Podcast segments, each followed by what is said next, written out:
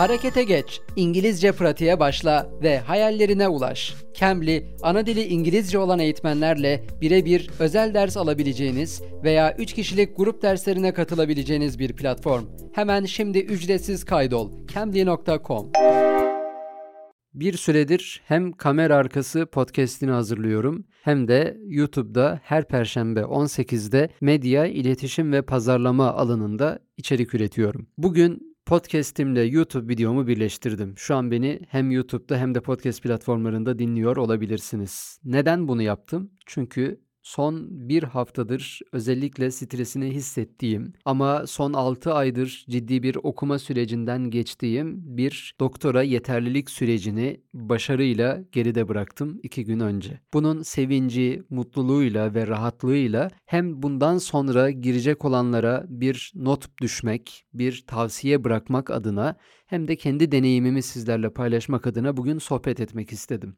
Sorular halinde ilerleyeceğim. Normalde sohbeti bu şekilde bölmüyorum. Parça parça yapacağım. YouTube'da da açıklama bölümüne time kodlar bırakacağım ve sadece sizi ilgilendiren bölümleri dinleyebilirsiniz. Vakit kaybetmemeniz adına. Çünkü doktora öğrencisiyseniz hele de yeterlilik sürecine hazırlanıyorsanız vakit zaten sizin için çok önemli. Öncelikle doktora eğitimi nedir bana göre? Doktora eğitimi yüksek lisanstaki gibi öyle hobi amaçlı yapalım, DR ünvanını alalım diye yapalım denilen bir şey değil. Doktora çok ciddi bir eğitim süreci. Zaten ünvan için veya farklı sebepler için işte maaşıma katkı olsun vesaire gibi ya da ortam yaparız falan gibi düşüncelerle başlayanlar benim gözlemlerime göre devam edemiyorlar, bitiremiyorlar. Çünkü zaten doktora eğitimine kaydolmanız için de bir yabancı dil gerekliliği var. O yüzden birinci baraj orada başlıyor. Yabancı dil puanı alamayanlar başlayamıyor. Başlasalar da alanın gerektirdiklerini, derslerin gerektirdiklerini veremediklerinde başarılı olamıyorlar. Doktora eğitimi akademik olarak artık son öğrencilik yıllarınız diyebiliriz. Çünkü doktoranız bittikten sonra serbest bir araştırmacı olarak ya da bir üniversite çatısı altında doktor ünvanı ile araştırmacı olarak görev alabilirsiniz. Kadro alabilirsiniz ama e, artık dersiniz yoktur. Artık sınavlarınız yoktur. Ama doktora da öyle değil.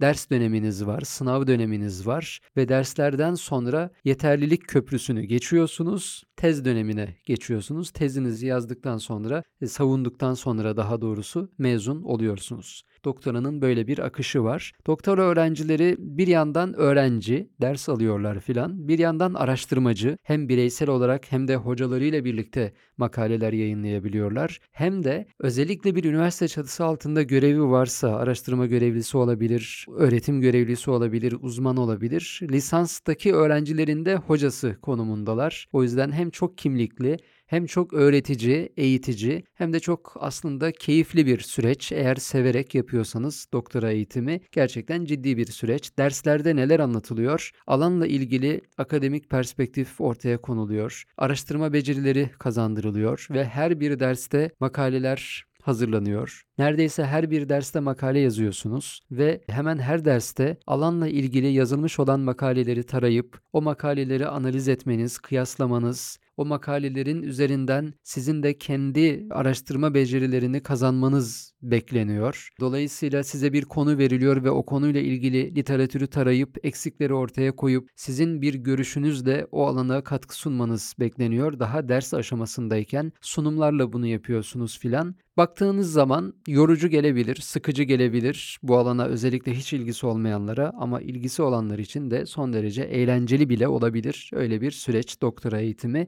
Kişisel olarak ben de bu süreci yaşadım, yaşıyorum da hala tez aşamasına geçtiğim bu dönemde keyifli bir süreç olduğunu söyleyebilirim. Peki doktora yeterlilik nedir? Doktora yeterlilik ders döneminden sonra tez dönemine geçiş için bir köprü. Sistem şunu söylüyor. Sen bu alanda doktora düzeyinde dersler aldın. Acaba bu alanda tez yazabilecek donanımda mısın? Yani bu alanın temel bilgilerine sahip misin? bir alanda doktora tezi yazabilmeniz için yeni bir şey söylemeniz gerekiyor. O güne kadar yazılmamış, o güne kadar söylenmemiş, o güne kadar bulunmamış bir şeyi bulmanız gerekiyor. Böyle bir şeyi bulabilmeniz için de o güne kadar yapılmış olan araştırmaları biliyor olmanız gerekir. Siz geçmişi bilmiyorsanız üstüne bir tık bir şey daha koyamazsınız. Yani önceki tuğlaları görmeden bir tuğlada siz üstüne koyamazsınız hiçbir alanda. O yüzden ben hiç okumadan yeni bir şey koyacağım diyemezsiniz. Yeni bir şey koyduğunuzu zannedersiniz ama meğer o sizden 30 yıl önce zaten söylenmiştir birileri tarafından.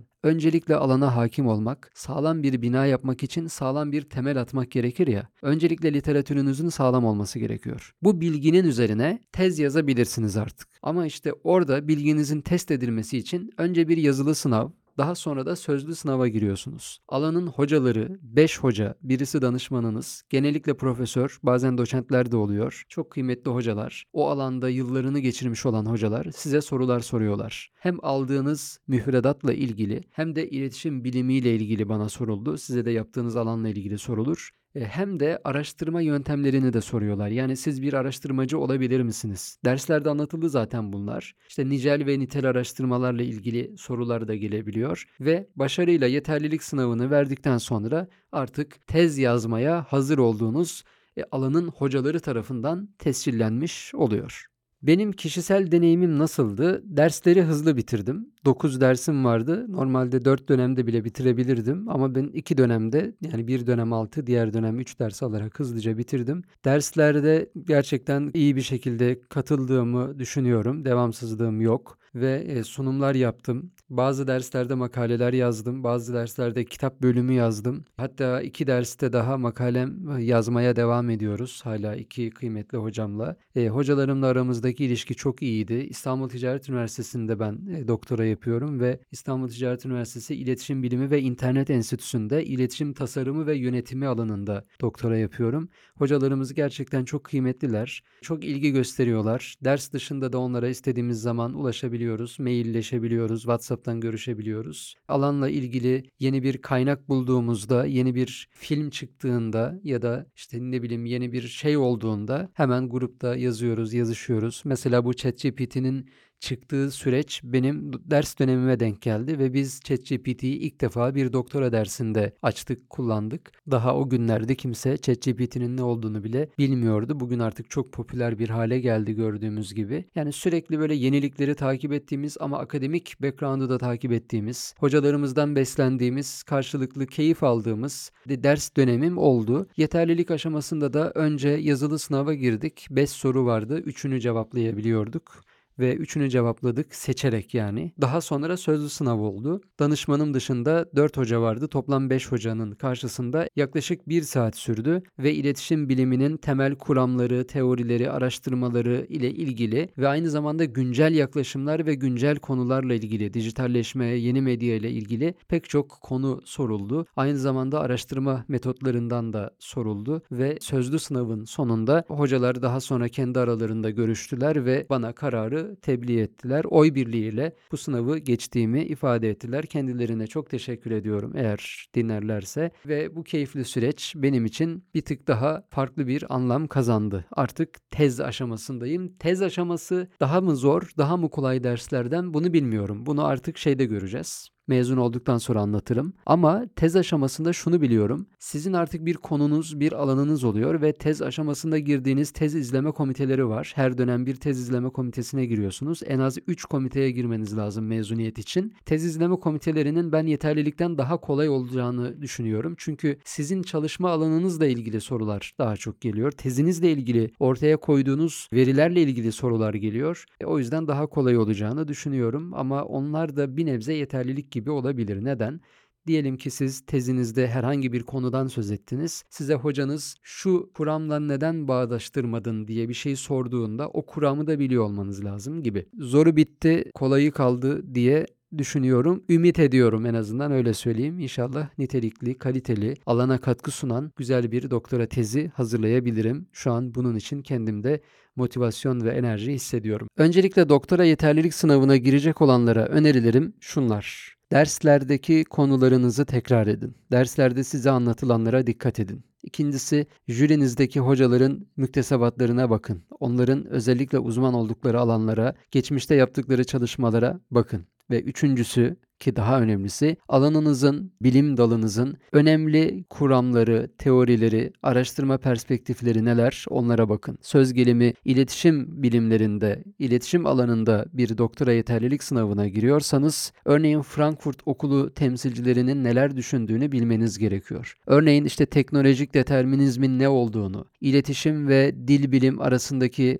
bağlantıları, iletişimin ekonomi politiğini bilmeniz gerekiyor. Bu konular 100 yıldır tartışma konusu olan, pek çok düşünürün üzerine düşündüğü, farklı söylemler geliştirdiği ve adeta hayatın işleyişini de etkileyen önemli konular. Bunları bilmeniz lazım. Bilmiyorsanız bu alanda yeni bir söz söyleme iddianız olmamalı, olamaz bence de. O yüzden bunu koyduk bir kenara. Peki doktora yapmak isteyenlere önerim neler? Eğer doktora yapmak istiyorsanız kendinize şunları sorun. Özellikle de sosyal bilimlerde yapacaksanız. Ben okumayı seviyor muyum? Araştırmayı seviyor muyum? Ve yazı yazmayı seviyor muyum? En önemlilerinden birisi de bu. Okudunuz, güzel. Sahaya indiniz, araştırma yaptınız, güzel. Sonra bunları yazıya dökebiliyor musunuz? Bazıları sıkılabilir bilgisayar başında, klavye başında yazı yazmaktan, kitap okumaktan bunlardan sıkılabilir. Ben saha insanıyım der. Üniversitede öğrencilerde görüyorum onu. Mesela bazıları haber yazmaya çok ilgiliyken bazıları benim hayatım setler hocam diyor. Ben setlerde çalışmak istiyorum. Işık, kamera, sahayı istiyorum diyor. Ben ofis ortamında klavye başında öyle yazı yazacak bir insan değilim, sıkılırım diyor. O yüzden insanın kendini tanıması çok önemli. Doktora süreci bu açıdan sıkıcı da olabilir, eğlenceli de olabilir. Sizin ne istediğiniz, ne beklediğinizle bu değişebilir. Ve en önemli konu bence motivasyon. Eğer bu alanda ilginiz varsa, hobi gibiyse ki mesela bana hobi gibi. Yani ben radyo kökenliyim Üniversitede radyo podcast uzmanı olarak çalışıyorum. Aynı zamanda ajansım var ve dijital pazarlama işleri yapıyorum. Dolayısıyla bu dijital medya ve pazarlama alanı benim aynı zamanda hobim ve hobi olarak başlayan işim işe dönüştü sonra. Ben tatile bile gitsem yeni medya, dijital pazarlama bu alandaki içerikleri takip ediyorum. Tatilde bile okuyorum, makaleye bakıyorum ya da YouTube'dan videolara bakıyorum filan. Yani işim hayatımın bir parçası, iç içe hepsi. Böyle olması gerekir diye demiyorum. Ben de böyle. Bu bana şunu kazandırıyor. Motivasyonum daima yüksek bu alanla ilgili. Ama böyle olmayabilir. İşiniz, araştırma alanınız, uzmanlığınız bu kadar hayatınızın bir parçası olmayabilir. Burada da size disiplin gerekiyor. Yani tatile gittiniz, tatilinizi yaptınız, güzel. Tatilden döndünüz, bilgisayarınızın başına geçtiniz. Orada odaklanabiliyor musunuz? İşte burada da disiplin gerekiyor. Motivasyonunuz bazen düşebilir. Motivasyonun olmadığı zamanlarda disiplin sizi kurtarmalıdır. Çünkü her zaman çok yüksek motivasyonla geçmiyoruz bilgisayarın karşısına. Hayatta başımıza farklı farklı şeyler gelebiliyor. Motivasyonumuz gün içinde bile anlık değişebiliyor, düşebiliyor. İnsanız sonuçta ama motivasyonumuz olmasa da disiplinimizi koruyabiliyor olmamız lazım. Kendinize bunları sorarsanız önemlidir diye düşünüyorum ve bence düzenli disiplinli çalıştığınız zaman, alanınızla ilgili geçmiş çalışmalara, güncel çalışmalara baktığınız zaman ve hocalarınızla ikili ilişkilerinizi de iyi tuttuğunuz zaman başarılı olmama şansınız bence yok diye düşünüyorum. Burada yabancı dil konusuna küçük bir parantez açmak istiyorum. Genellikle şunu görüyorum doktora adaylarında yabancı dil gerekli mi bu kadar diye soranlar var ya da yabancı dili üniversitenin istediği 55-60 gibi baraj puanını alacak kadar öğrenenler var. Mesela giderim diyor bir yabancı dil kursuna. Oradan 55'i aldım mı doktoraya başlarım tamam ondan sonra. Böyle bir şey yok. İngilizce size doktoraya başlamak için gerekli olabilir ama daha çok doktorayı devam ettirmek için gerekli. Bütün yapılan araştırmalar batıda yapılıyor. Geçmiş müktesebat batıda. En azından benim alanımda öyle. İletişim bilimine baktığınız zaman hep batılı kaynakları tarıyoruz. Podcast yayıncılığı diyoruz. Amerika bugün o işin menbaı ve Amerika'daki çalışmaları okuyoruz. Uluslararası indekslerdeki dergileri tarıyoruz. Makaleler okuyoruz. Tabii ki Translate var. Translate'in eklentileri var. ChatGPT tercüme edebiliyor. Bütün bunları koy bir kenara ama bir doktora öğrencisinin tercümana ihtiyaç duymadan bir makaleyi kendisi okuyup anlayabiliyor olmasını ben beklerim. Çünkü eskiler alet ilim der yabancı dile. Ya bu bizim bir aletimiz. Tıpkı bir tesisat ustasının alet çantası gibi. Bizim alet çantamızda da İngilizce var. Onu her an kullanabilmeliyiz. Uluslararası bir kongrede İngilizce sunum yapabilmeliyiz mesela. Bunları yapamıyorsak nasıl bilim insanı olacağız? Nasıl araştırmacı olacağız? İngilizce sadece doktoraya başvuruda kayıt esnasında YDS'den 55 alalım, 60 alalım kadar lazım değil bize. İngilizce doktora eğitimi boyunca ve sonrasında akademik kariyer yapacaksanız, doçent, profesör ilerleyecekseniz zaten sonrasında da lazım. Böyle baktığınız zaman İngilizceye bakışınız, yaklaşımınız, İngilizce öğrenme motivasyonunuz da farklı olacak bence. O yüzden sahiplenmek lazım meseleyi diye düşünüyorum. Benim şimdilik söyleyeceklerim bunlar. Eğer birebir sizlere tavsiyelerimi istiyorsanız mail yoluyla ulaşabilirsiniz. Çünkü herkesin hikayesi, herkesin süreci farklı olabilir. O yüzden sizin özelinizde belki bir şeyler daha söyleyebilirim. Mail adresimden ulaşabilirsiniz. Bir sonraki podcast'te aynı zamanda YouTube videosunda tabii ki görüşmek üzere. Biterken hatırlatayım her perşembe 18'de YouTube kanalımda yeni bir video yayınlıyorum ve her haftada bir yeni podcast bölümü yayınlamaya gayret ediyorum. Aynı zamanda web sitemde bu alanla ilgili blog yazılarımı okuyabilirsiniz. Kendinize iyi bakın, hoşçakalın. Harekete geç, İngilizce pratiğe başla ve hayallerine ulaş. Cambly, ana dili İngilizce olan eğitmenlerle birebir özel ders alabileceğiniz veya 3 kişilik grup derslerine katılabileceğiniz bir platform. Hemen şimdi ücretsiz kaydol. cambly.com